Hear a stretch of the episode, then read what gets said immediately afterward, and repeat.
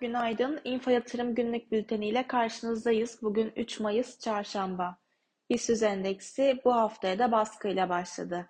Geçen hafta yaklaşık %8 düşen BIST endeksi dün de %2,42 oranında düşüşle günü 4506 seviyesinden tamamladı. Bugün yurt içinde enflasyon verisi açıklanacak. Beklentiler enflasyonun aylık bazda %2,85, Yıllık bazda ise %51,3 olacağı yönünde. Enflasyon verisiyle birlikte piyasada volatilite artabilir. Yarın ise TCMB tarafından yılın ikinci enflasyon raporu toplantısı yapılacak. Akşam saatlerinde de FED faiz kararı takip edilecek. Piyasa beklentileri Fed'in 25 bas puan faiz arttıracağı yönünde. Hatırlarsak son toplantıda FED 25 bas puan faiz artırmıştı ve Powell şahin mesajlar vererek piyasayı şaşırtmıştı. Mali sektöre dair endişelerle Fed'in yılın ikinci yarısına daha güvercin olma ihtimali de artmış durumda.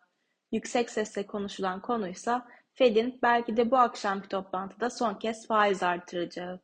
Anlık konjektüre göre kararlar hızla değişse de Fed, enflasyonu mu kontrol altına alacak yoksa büyüme odaklı stratejiye mi geçecek? Bu karar riskli varlıklarda yön arayışı ne tarafa evrileceğini belirleyecek gibi görünüyor.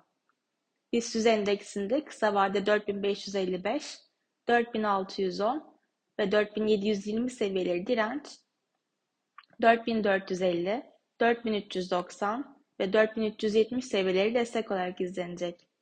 Borsa İstanbul'un güne alıcılı başlamasını bekliyoruz.